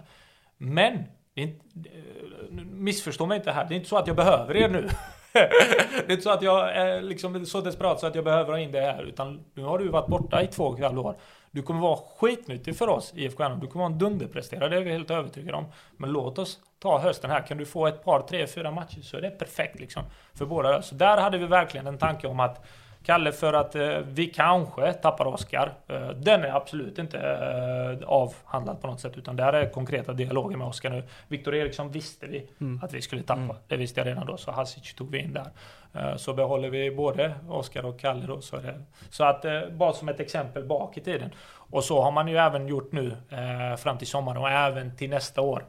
Såklart. Vilka tror vi att vi tappar då? Finns det något utgående kontrakt? Och självklart, det här är ju alla liksom. Men man eh, tittar eh, ett par fönster fram, allra skarpast läge, kommande fönstret efter och fönstret efter det. Men man har även en eh, tanke om fönster 4, 5 framåt. Sen är fotbollsvärlden, hej, life happens. Mm. Ja. Så även här. Eh, så att, ja. Ibland kan någon dra ett korsband på sin lediga tid och vad gör du då?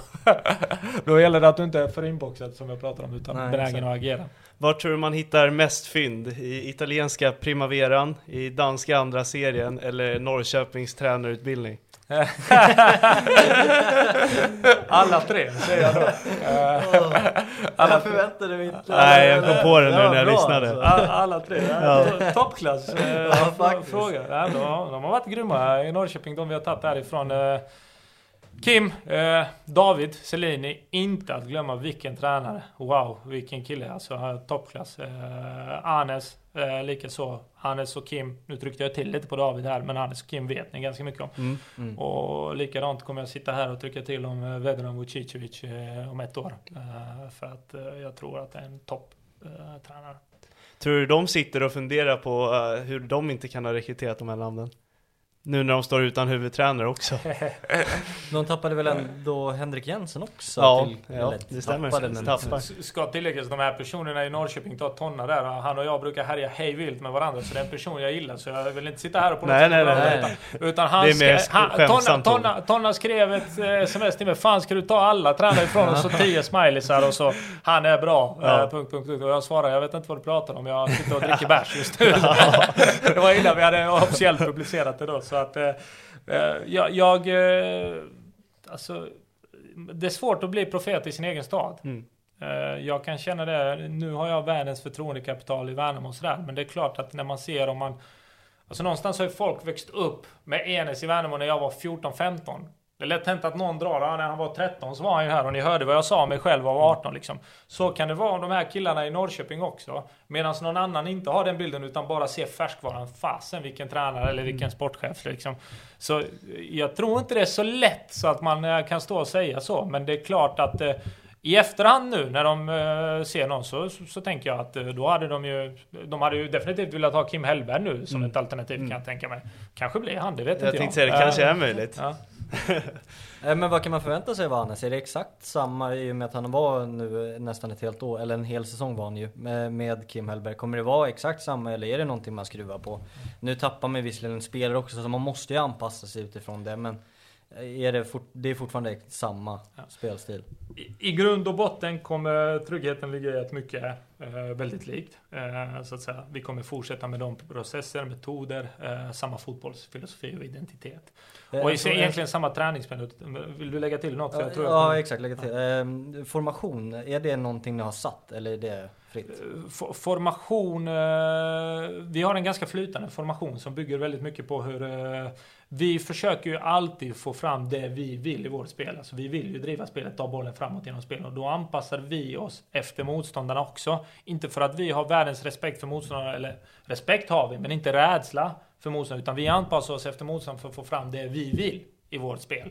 Off def, liksom beroende på hur nu är AIK, dåligt exempel för de uh, kölhalade oss i sista Ja, nej, matchen. men det- det- men, men, men Norrköping eller Göteborg här på hösten, liksom, baserat på hur de eh, bygger sitt spel, så är vi benägna att anpassa vårt spel för att vi ska kunna vinna boll högt upp i banan. Och våra positioner är flytande på ett sätt som eh, närmast i serien kanske är eh, Malmö och, och Kalmar där. Så att för att svara på din fråga mer konkret, vi har en tydlig fotbollsidentitet. När jag har suttit med Anes i rekryteringsmöte, precis som jag har suttit med andra tränare, så har de fått det här är vad vi som klubb står för i termer av vissa principer och vissa saker. Låt oss säga att vi har gett dem en ram. Sen är varje tränare sin konstnär i sig, så han måste ju få måla den här tavlan utifrån den ram vi som klubb har gett.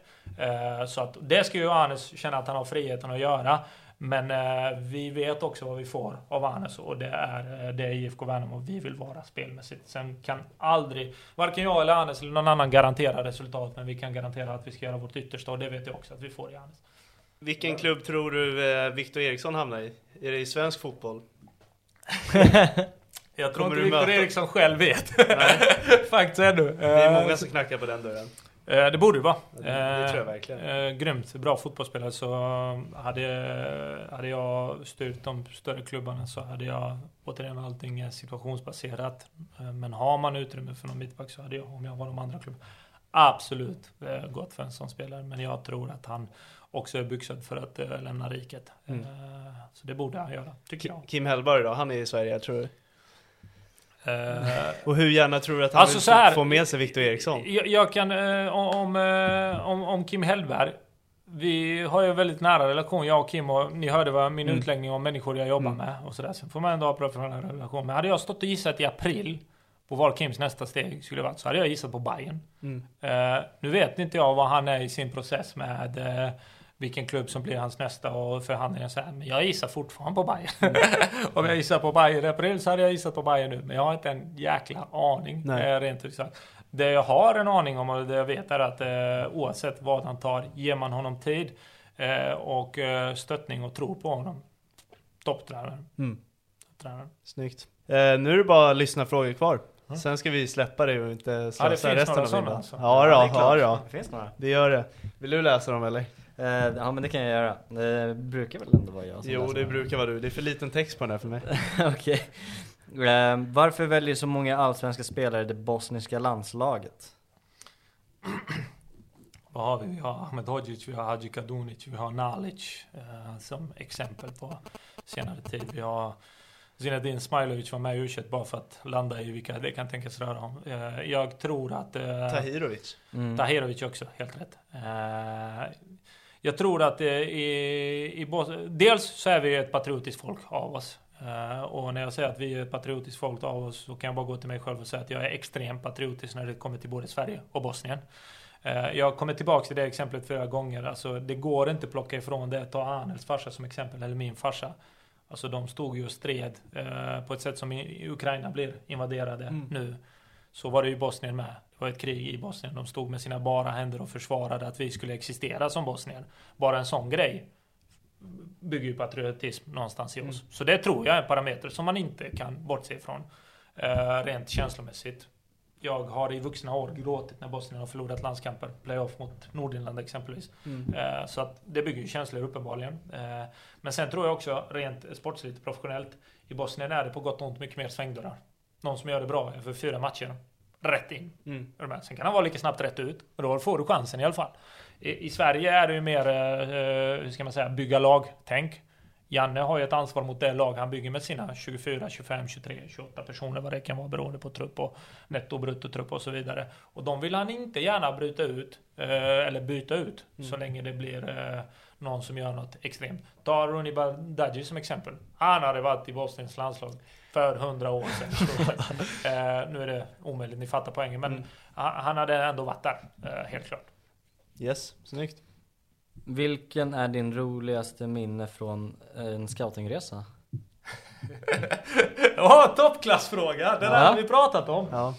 Ja, alltså, men var det Engvall? Då ja, var det den, Ghana den kom jag, det, jag nämnde den igår för, till uh, Fabbe Ahlstrand som var här. Ja. Uh, just det, vi ska hälsa från honom att han uh, älskar dig. Ah. För det du, det du gör. Ah, snyggt! Ja. Mm. Fasen roligt när man får höra sådana grejer. Ja. Engvall i sig är ju ingen story så. Det var ju mer att jag hade mina möten och jag skämtade om det. Att jag åkte till Ghana och kom tillbaka med en svensk Engvall liksom. Så jag, hade, jag värvade honom under tiden jag var i Ghana. Ja. Med mina digitala möten och sådär.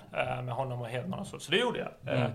Men roligaste storyn, den är, jag vet inte om den är lika rolig när man upplever men den har någonting ändå. Vi var ju nere i Robin Astrid, chefscout Malmö. Häckens eh, chefscout eh, Hampus, som numera är sportchef i Sarpsborg. Ja. Daniel Larsson, eh, agenten Erik Friberg. Vi är nere i Ghana då, på en scoutingturnering. Och när man är på en sån här scoutingturnering, jag älskar olika kulturer och sådär, men man känner sig fan, eh, man känner sig nästan, de, gör de är så beredda och de har så mycket respekt för sina gäster så man känner sig nästan, eh, här sitter jag som den svenska vita mannen liksom mm. och får bestämma. Jag gillar inte det. Nej. Jag vill mer vara som de nere och skämta och tramsa, utan här är det vilka vill ni ska spela? och sådana grejer. Det, det, känns konstigt för mig. Bara för att verkligen måla upp den bilden. Sen älskar jag att vara där nere, jag älskar folket, kulturen i Ghana. Jag, jag är väldigt eh, kulturell om man ska uttrycka sig, eller kulturell är ju helt fel. Jag är anpassningsbar eh, när det kommer till olika kulturer så jag blir eh, nära folk så på det viset. Så. Jag gillar att gå ner i skarpt läge och skämta och tramsa med folket. Men så är vi på den här scoutingturneringen. Och då var det en målvakt som Häcken var intresserad av. Eh, som eh, Hampus hade sett eh, i någon turnering. Vi var nere i februari, Hampus hade sett han tre, fyra månader innan i november. Och så tittar vi på den här scoutingturneringen. Match 1 som den här målvakten står. Hans lag får knappt eh, något skott på sig. Så de får ju inte utvärdera målvakten. Och då, nu har han ju dessutom Friberg med sig. Hampus som man har talat om. Det är bra grejer liksom. Match 2 kommer målvaktsjäveln. Får ju inte röra bollen då heller. Match 3 kommer och man ser, du vet, de är stressade lite så här. Eh, äh, du Edes, fan eh, vi kan ju inte gå ner. Kan inte ni gå ner och skjuta lite på honom?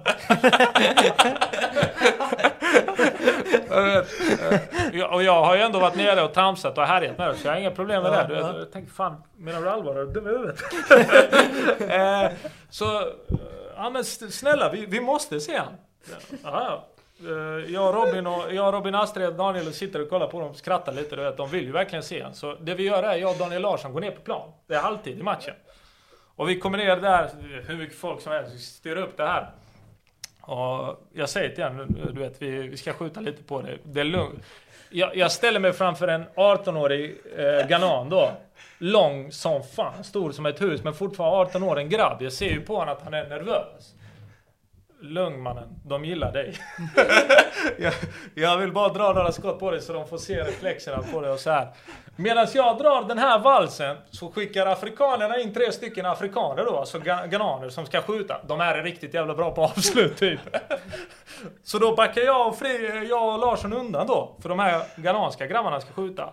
Varav en av dem springer in i en jävla Gais-tröja. Nej, nej, Gais han skjuter först, bollen går åt helvete. De här skjuter två, tre avslut, ingen träffar mål. Så vi får ju byta ut dem. Jag, Enter, Enes Ahmetovic och Daniel Larsson. Så vi kör en klassisk uppvärmning. Jag passar till Daniel som väggar till mig och jag skjuter på målvakten. Och så står vi och vispar skott på den här killen i 10-15 minuter.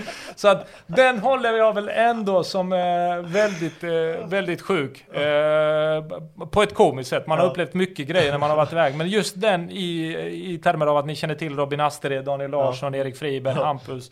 Och att de var Andersson heter han efternamn. Ja, exakt. Att alla de var i, och det här finns på video när jag står och drar skott. Nej, du måste skicka Ja, det. måste måste skicka. Jag skicka. tror att det är Robin eller Daniel Larsson. Jag vill ju vara schysst mot killen. Du vet, jag kan inte stå från fem meter och vispa skott på honom utan att han vet var skottet går. Så i uppvärmningssyfte så visar jag först var skotten ska gå. Och då sitter ju Hampus och eh, Friberg där uppe. Vad fan gör han? Han kan ju inte visa vad skott... Men det var ju... Sen tryckte jag till då utan att han visste. Skötte sig bra. Gick han till Häcken sen? Ja, jag trodde att de skulle ta han. Ja. Eh, Men uppenbarligen så har ju någonting hänt. Så jag tror inte han har gått dit. Nej. Tror inte det. Synd för han har- att han ja. inte fick lite mer utmaning. vi har en eh. WhatsApp-grupp baserad på den här situationen som fortfarande heter, eh, jag tror den heter hans namn. Eh, och så den ghananska fantomen då, målvakten. Så att, Ja. Var, det- var det på den resan du hittade Adjei? Eh, nej, han kom innan. Han Okej. kom innan. Jag har varit i Nigeria och Ghana ett Ja. par gånger. Ja. Så han kom innan. Men från den typen av scoutingresa. Ja, häftigt. ja, den är sjuk faktiskt. Den är Det är otrolig. jävla bra Ja, alltså. den är otrolig. Visade du hur man gjorde mål med händerna då också? Nej, det gjorde jag inte. Jag drog in något i krysset där bara Ja, för att visa att du kan inte ta allt. Nej, exakt. Snyggt. Ehm, vad är Enes absolut drömdestination att jobba i? Ja. Det här tänker man på. När man jobbar i fotbollen så är alla drömmare. Från spelare till tränare eh, till sportchefen. Fotboll är en, eh, fotboll är en plats där man drömmer. Eh, och, och därför gillar man ju, och den är oförutsägbar. Eh, därför gillar man den. Bortsett från allt mycket annat. Först och främst att, att när, jag var flykting i Sverige, när jag och farsan gick, bodde i Värnamo när vi kom, så gick jag på Värnamos matcher i division 3 in i halvtid på matcherna. För att det var gratis då. så farsan tog mig till matcherna i halvtid. Eh, sen dess har jag följt Värnamos resa från division 3 till att idag själv vara sportchef i Allsvenskan. Det säger väl allt om hur mycket det betyder för mig, hur mycket jag älskar att eh, vara i Värnamo och hur mycket det har betytt för mig att jobba för Värnamo. Så det är det första jag behöver säga när jag adresserar en sån fråga. Eh, sen ska inte jag stå och ljuga här att anledningen till att jag jobbar så mycket och att jag på något sätt kan berättiga det gentemot min fru, gentemot mitt eget samvete, mot min fru och mina barn. Det är för att kunna skapa en bra ekonomi för dem, ta dem till, till, till platser vi kanske inte ann- annars hade hämtat, hamnat på. Eh, så att eh, jag är jag bra så kommer jag någon gång lämna Värnamo. Eh, så är det. Men först vill jag ta Värnamo så långt som möjligt. Sen vill jag göra det riktigt bra och kanske få chansen eh, i något annat där jag har andra resurser än det jag har idag. Men jag skulle ljuga om jag inte skulle vilja uppleva någonstans där jag får eh, fortsätta med exakt det här jag pratade om nyss. Uppleva andra kulturer, Mm. människor, eh, fotbollen på andra ställen. Någonstans där solen skiner. Ja det är fint. Jag tycker inte vi kanske adresserat det nog. Vi har gått in väldigt mycket på hur du jobbar och hur man har tagit sig dit där du är idag. Men det är en jävla vacker resa du har tagit. Alltså du har ju kommit Verkligen. väldigt långt i din karriär och du är fortfarande ung. Ja. Eh, och vi snackade om att du var den yngsta sportchefen också. Bara det är en Före grej. Alltså, detta du nu. Ja, före Exakt, detta. före detta, det är över Nu, nu. får det stå före detta på Insta-bion. Men det, det, det är en väldigt inspirerande Ja, resa du har gjort också. Så det måste vi verkligen adressera också. Ja, tack så eh, mycket. det. Vi, Eh, vi får driva den här podden tills han lämnar Värnamo så får vi ta det steget. Ja exakt. Exakt.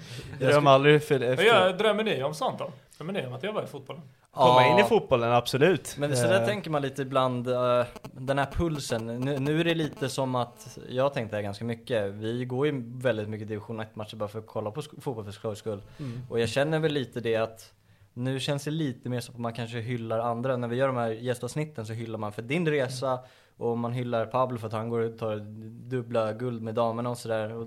Lite det där tävling och liksom lyckas på det sättet vill man ju också göra. Sen är det klart att vi har ett mål att lyckas med podden. Det är ju också ett mål och en dröm. Ja, 100 procent. Men just så här, liksom den faktiska framgången, eller alltså sportsliga framgången mer. Det, det är väl någonting man...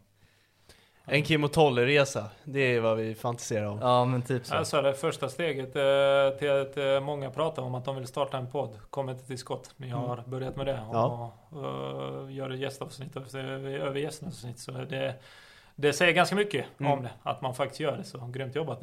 Jag hade en ambition om det när jag var ung. Ni kommer ihåg vad jag sa om mig själv när jag var ung. Jag startade aldrig. Så, där har ni kommit längre. Ja. Ingen drömmer för stor, bara man drömmer tillräckligt. Ja exakt. Ja. Fan jag skulle ha lagt dem i bättre ordning egentligen, nu har jag bara tagit det i ordning, för nu kommer den rolig igen, så man går ju fram och tillbaka hela tiden men Hur mycket Rakil drack han på Södra Teatern innan matchen mot AIK? Jag? Ingen alls fan. Det är, är synd att man inte gjorde det. Då hade man mått bättre på läktaren efter den kölhalningen. Nej, det var inte, det var inte mycket racki. Däremot var det, det var en eh, trevlig middag. Eh, som jag sa, vi eh, jobbat så mycket. Alltså i början, eh, Kim har varit inne på det, men eh, första året i Allsvenskan där, det var jag, Kim och David i stort sett som satt och jobbade dygnet runt där uppe. Eh, sen byggde vi på det med ett, ett gäng människor som är otroligt ambitiösa och kvalitativa och hade det här året som vi hade i år och då kände vi att eh, låt oss avsluta det för vi visste ju att Kim skulle, när, när vi alla är samlade eh, och ha en tillställning med en middag och sen eh, ville någon eh, ta det på en bar för att känna pulsen och, och det gjorde vi så det var jävla trevligt. Ja, kul. Där träffade vi varandra också. Exakt. Ehm, det är så liten text att man tappar bort sig. Ja, vart det man är just därför jag skickar över till dig. Den bästa fotbollsspelaren Enes sett på nära håll? Vad betyder nära håll? Spelat med, tittat på? Eh, Jag vet Ja men antar i klubben och, eller och, och, i... och har, jag sett, har jag sett på honom som att han har spelat fotboll eller bara stått bredvid honom? För jag, har, eh, jag brukar ofta, typ vinna Argentina VM-guld. Eh, som de gjorde eh, här i... Nu pratar jag som att de vinner VM-guld varannan månad. Men de vann ju VM-guld här i vintras. Så då är jag inte sen med att ladda upp bilden på mig och Messi när vi står och håller om varandra så här. Och, Ah. eh, så att om det är definitionen det att titta på det alltså, så, så, så skulle jag sagt honom. har Ja, jag tror inte det är meningen men eh, det är bra. Det är ett grymt svar. Ja det är ett grymt svar, som Messi. Jag har också en bild med honom faktiskt. Var det det? Ja då. Vad fan vad många När han har blonderat hår. Det, det är en uh, lyssnarfråga. eller? Ja. Ja, för då, då tolkar jag någonstans sett, eh, tittat på och spelat. Jag skulle säga i allsvensk för att ge någon form av start, eh, någon form av svar. Ja, ja, det finns många otroligt bra fotbollsspelare, inte minst i mitt eget lag. Men jag kommer svara på något som jag tycker är X-faktorer som inte går att hitta någon annanstans. Eh, helt klart, eh, den ni har på tröjan här. Ja. Taha Ali. Eh, jävla fin. När han springer runt och dribblar, så dribblar han för alla oss som sprang runt och dribblade på gården när vi var små. Ja. Och alla vi som spelade fotboll när vi var små på gården ville ju göra, ville ju göra det Mm. han gör i Allsvenskan nu. Tyvärr så dribblade han av alla oss och gjorde mål på, På oss på. Den var ju jävligt tråkig Ja. såklart. Eh, så den uh, undrar jag inte honom eh, mot mig, men jag undrar honom att han kan göra det. Ingen annan kan, för det är otroligt skickligt. Ja, vilken människa också. Så det är fint att han fick en hyllning här också. Ja. Mm, faktiskt. Vart hamnar Värnamo i tabellen nästa år och var Simon Tjärn bara en värvning för att locka hem de övriga lirarna från det laget? Simon Tern var en uh, värvning för att jag ska få billigare retrospel. Super Nintendo säljer ju han på sp- spelmaffian. Eh, så att eh, det, det var uppenbart det. Eh, Hur, mycket pressar. Jonas dig? ja, men det är klart att eh, så här, eh, dyker det upp eh, Simon Tern, eh, som jag sa med Viktor, så blir det en stor grej. Eh, Fan vad bra han har varit också. Men det, det, alltså det visste vi ju i vårt sätt att spela fotboll. Sen måste man alltid göra en utvärdering. Liksom. Vi vet ju att Simon spelade 20 till 21, 22 matcher per säsong. Det behöver man veta med sig när man värvar och det visste vi och det fick vi rätt i. Eh, så att det hade varit en annan grej om vi värvar Simon och förväntar sig att han ska spela alla 30, vara fullt frisk alltid. Då har ju vi gjort en dålig analys. Utan här gör man en bedömning, vad är kvaliteterna, vad är riskerna och så tar man en samlad informationsskala och ta beslut därefter. Vi bedömde att han kommer passa perfekt in i det vi gör. Vi vet att han är en grym fotbollsspelare. Vi vet att han har lite skador men kan han göra 22 matcher för oss i år så kommer han bidra och det blev väl exakt så som vi hade tänkt. Så att, eh, Nej, äh, grym kille. Äh, måste verkligen lägga till det. Jag har ju känt Simon sen vi var små i Värnamo. Äh, spelat fotboll med han, gått i samma gymnasie, hela den eh, köret. Någonstans har han ju nästan, bara för att Simon vågar säga lite åsikter, vad han tycker, vad han känner, så har han nästan målats upp som en, eh, så här, som en problematisk eller bad guy. Mm. Eh, så att det har han aldrig varit. Och det kommer han aldrig vara. Hos oss Oj, nu får vi lite oväntade gäster. Ja, vi får hundarna. Hundarna. Eh, Så han har varit en toppkille hela vägen igenom eh, Ja. också. Det vill jag verkligen tillägga. För folk som inte känner honom eller sådär. Så att han har varit en bidragande faktor både på plan och utanför. var väl det jag ville landa i. Jag har två frågor kvar. Ja, det är lugnt. Eh, Tur det inte var större hundar, då hade jag hoppat ut genom Ja, fönstret. det är du hundrädd? Det tänkte jag Nej, nej, nej, absolut inte för sådana. Ja, nej, men större hundar. Någon som är hundrädd dock, det är Anes. Han är ju jätterädd för, för Ja, okej. de där också. Ja, Ja, ja. Jag outar honom Det här. tänkte Det jag skäms inte jag ens inte. på, sorry. Ja, det är helt Ja. lugnt. Jag är Ja. inte rädd för de där. Ja, okej, ja. Så när vi kommer till Värnamo sen, då får vi ta med Nemo. Ja, det kan du göra. Kommer Antonsson vara den spelare som gjort flest mål i Värnamo under en säsong i Allsvenskan för evigt? Vad landade han på? 20. 20. Egentligen 21, men han eh, fick ett mycket diffust uh, bortdömt mål, tycker jag. Vilket var det? Det var borta mot Elfsborg i omgång 5 förra året. En hörna som han nickar in. Liksom. Okej. Som av någon anledning blev bortdömt eller dömd som självmål. Det Ja. tycker jag verkligen inte men det skulle varit. det. Det var inte så att det vinklades eller någonting. Utan de gör bara bedömningen att han stöter in den egen istället för att nicka in den. Eh, hur fasen många gör 20 plus i Allsvenskan? Det Det är- det är inte en många. svår siffra, Eh, alltså. Det är inte många. Sen vet ju jag att vi har ju tränare. Eh, Kim har en epitet om att göra guld av anfallsspelare. Är det någon i Sverige som kan det Kim kan? eh, och som har jobbat väldigt mycket med honom så är det ju Anes. Eh, så, så han har, det lever vi kvar med eh, på ett eller annat sätt. Jag, ska inte, jag står inte jämför dem utan jag säger verkligen att Ja. de har lärt av varandra. Anes just kring det har lärt sig av Kim. Eh, Så att den eh, kvaliteten har vi kvar. Så det blir väl upp till mig att hitta någon som ska göra det då. Eller så blir det det upp till mig att prata med Gustav och se till att fan du får ju dubbla det du håller på med. Ja, faktiskt. Ja, men Edin Dzeko gör nog 25. Ja det är möjligt. faktiskt. Eh, då är det bara en fråga kvar. Finns det något lag i Allsvenskan som han har kommit i kluster med gällande värvning? Ja, vem är svårast att förhandla med? Det måste jag ju tillägga. Svår, svårast, eh, svårast tycker jag ingen är. Nej. Eh, För eh, dels eh, i Sverige är det mycket enklare. Mm. Med andra uh, prata med mitt eget folk så, så blir det tufft. Och då, jag, jag kan adressera det elefanten i rummet eftersom jag är själv från Balkan. Jag är sydeuropé. Sydeuropeer i regel, Italien, Lecce och så här. Inget enkelt folk att göra med. Inte i förhandlingsfrågor utan i svar. Ska bara få dem att svara eh, på grejer. Men jag, jag eh, svår, svårast att förhandla med... Jag brukar... Hur ska jag uttrycka mig här? Eh, Jag brukar inte vara jätteförhandlingsbar utan jag brukar värdera och så brukar jag hålla mig till det. Eh, Och känner du att du har något bättre att gå till som du värderar högre då får vi väl skiljas åt som goda vänner om jag förhandlar med en spelare. Brukar, och det kan folk intyga om. eh, Och det brukar folk säga till mig att de uppskattar i efterhand. Du var i alla fall ärlig och korrekt. Och, liksom, och, och det tror jag stärker när du istället för att eh, köra något spel och säga det här och gå upp, utan det här är min bedömning, det här gör jag och så ligger jag ofta kvar på det. Det är en metodik jag använder i 65 eh, procent av fallen. I vissa fall använder jag en helt annan, liksom, där man förhandlar beroende på situation. Men jag brukar eh, lägga någonting jag känner är korrekt och så brukar jag hålla mig eh, till det. Mm. Du har inte varit nära handgemänga med andra ord alltså? Nej, det, jag har blivit förbannad Vi ska på ha folk. den här jävla jag har blivit nu. förbannad på folk så inåt helvete. Jag har ringt och skällt eh, på folk i svenska klubbar till och med. Som, så, så här är det, ni hörde vad jag sa innan. Jag, jag är energisk, jag är glad och så här. Och det är vem jag vill vara eh, och det är vem jag tenderar att vara. För jag vill inte gå runt och vara en bitter och dryg Mm. mm. jävel om jag ska uttrycka Men ibland så har ju folk eh, en rolig förmåga att eh, på något sätt tolka det som en svaghet.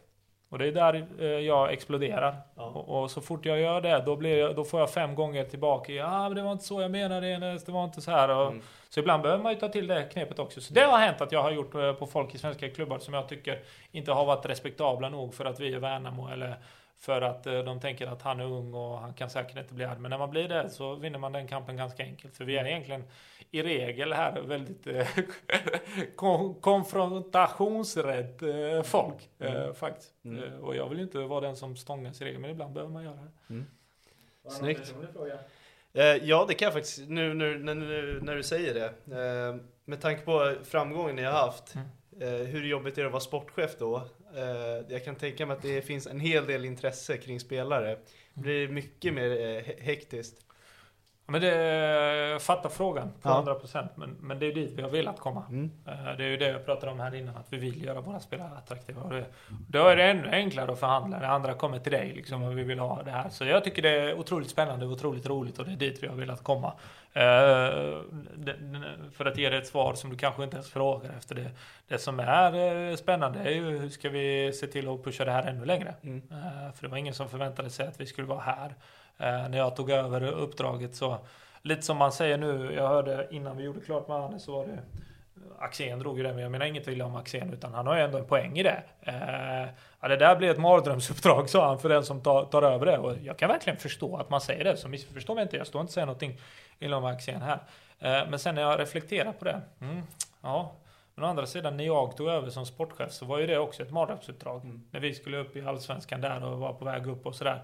Vem trodde att vi Alltså alla, när jag lämnade jobbet i heltid på Visma och tog det här som heltid så sa jag alla, du åker ur första året. Och gör du inte det så åker du garanterat ut andra året. Eh, så det var ju ett mardrömsuppdrag i sig. Ingen trodde ju att Värnamo på något sätt skulle ha en chans att klara sig till att börja med för att inte snacka om vad där vi är idag.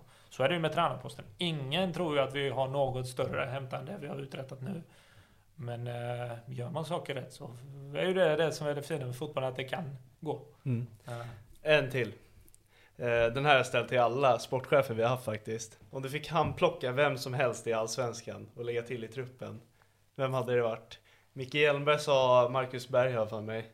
Ja. Jesper Jansson sa Alexander Bernhardsson. Eh, Martinsson Nyman. Ja. Han var tränare. ja. Har du någon som är såhär, fan den där killen hade ju varit perfekt. Den gode Abdi. Ja, det är så. Ja, det är så. Ja, helt Ja. klart. Du har en sån spelare i Värnamo med vårt sätt att spela Mm. fotboll så är det där ett jäkla vapen. Så att eh, nu är det sån här psykologi att ni har haft den här tröjan här framme på hela Ja, tiden. Så det, exakt. så det, det, den kommer andra lockar inte lika, Den kommer nära. Utan att nämna namn. Han har ju också en jäkla portion speed den här killen. Ja du, det där är en av mina Så- favoriter. Så det, så det är ett kraftpaket. Men äh, återigen. Han ligger ju högst på alla stats. Nu Mm. gillar jag han om jag bara tittar med ögat. Men statsmässigt också så krossar han alla parametrar. Eh, det är väl Albion Ademi eh, som ligger närmast i termen av carries och dribblingar Mm. och så vidare. Eh, men annars är det han som kör över. Och det är en egenskap eh, man skulle vilja ha i sitt ett vapen. Ja men jag, jag vill också ha fler spelare som uttrycker sina känslor på fotbollsplanen så som Taha Ali Ja. gör. Eh, Det är en fantastisk förmåga. Det är nästan som att han kommunicerar via en fotboll. Ja, ja, men det finns ju många man skulle vilja ha. Men ska jag säga en så drar jag till med det. Ja, häftigt. Ja, det. Eh, Och med det så eh, avslutar vi där. Mm. Och eh, ska inte ta mer tid av din dag. Nej, tack så jättemycket för att jag fick vara med. Jätteroligt att vara Ja. med. Stor ära att ha ha dig dig. här. Verkligen. Vi kände det när vi körde telefonintervjun att det, det räcker inte. Ja. Sen sumpade vi ljudet lite också, så nu är det revansch. Ja exakt. Ja. Nej, så farligt var det. Det var i början, men nu har Ja. vi fixat det där. Ja. Eh, Men jag måste säga också bara, sluta aldrig vara dig själv. Nej, verkligen. Tack så mycket. Eh, Det är sjukt härlig person och det, det ska du ha med dig. Som när du skrev till mig där när du hade fått feber så Ja men eh, då skrev jag bara, men det förstår lite så här. Och sen skrev du bara, men jag hör av mig om några dagar när jag är frisk igen. Och så kommer ett sms, det plingar i luren, kollar och så börjar smset med liksom så här. Ja det var en jävla käftsmäll på Låg och darrade som ett jävla asplöv. Och då sitter man och pratar med Värnamo sportchef och det är inget hej, sorry. Alltså, det var verkligen det. Ja det är så jävla härligt. Det, alltså. men det, det, tror jag, det tror jag förhoppningsvis jag alltid kommer vara. Det är det jag tror att folk uppskattar hos mig. Det är det jag uppskattar mig själv. Jag måste vara mig själv. Det är det jag uppskattar mig. Jag ska eh, till något helt annat. Jag ska ut till Rinkeby och föreläsa ikväll och han killen som ringer upp mig han börjar prata. Ja ah, du vet eh, här i för... Mannen lägg av. Jag är från förorten själv. Säg bara vad jag ska. Vad, vad, vad handlar den eh, föreläsningen om? Det är till grabbar som är inom idrottsvärlden. Ledare, tränare, okay. sportchefer och sådär som har tagit kontakt som jag gärna gör för att Ja, det är kul att ge tillbaka. Jag, Ja. Det gör jag för att jag tycker det är grymt roligt. Ja, och de valde nog dig av en anledning också. Ja, de har, det var flera har varit där. Eh, De valde att de skrev till mig och uttryckte sig. Det tycker jag, det är apropå adrenalin. Jag blev ju lika taggad av det som när eh, ja, man får ihop en deal. För det tyckte jag var roligt. Det är nog en chans att ge tillbaks. Eh, Hade jag visat er en bild hur jag såg ut när jag bodde i förorten när jag var fem bast så hade ni aldrig trott att det här kan bli en allsvensk sportchef. Jag ska skicka den till er. Ja, gör- Eh, gör så det. ska ni förstå vad jag menar så att inte det här låter konstigt liksom. Men eh, Eh, man måste ge alla chansen och i förorten är väldigt många människor utdömda eh, redan på förhand och har sämre förutsättningar. Jag vill ge tillbaka till något eh, för det var grymt, grymma ställen att växa upp på. Därför jag... Det är, det är också en av mina favoritgrejer med den här podden, att vi träffar människor med olika bakgrunder och resor och det är jäkligt inspirerande Ja. att höra. Ja. Ja. Grymt. ja, men stort tack för att du delar med dig själv. Tack så mycket grabbar. Ja. Eh, och tack till alla som lyssnar framförallt också. Ja, verkligen. Eh, måste vi också bjuda på. Eh, Så stort tack för det. Ja, stort tack Ja. och glöm inte att följa oss på sociala medier så hörs vi i nästa avsnitt. Ja, och där måste vi bli bättre. Ja, Där måste vi bli bättre. ja så är det. Kanon. Ja, ha det bra. Ha det bra.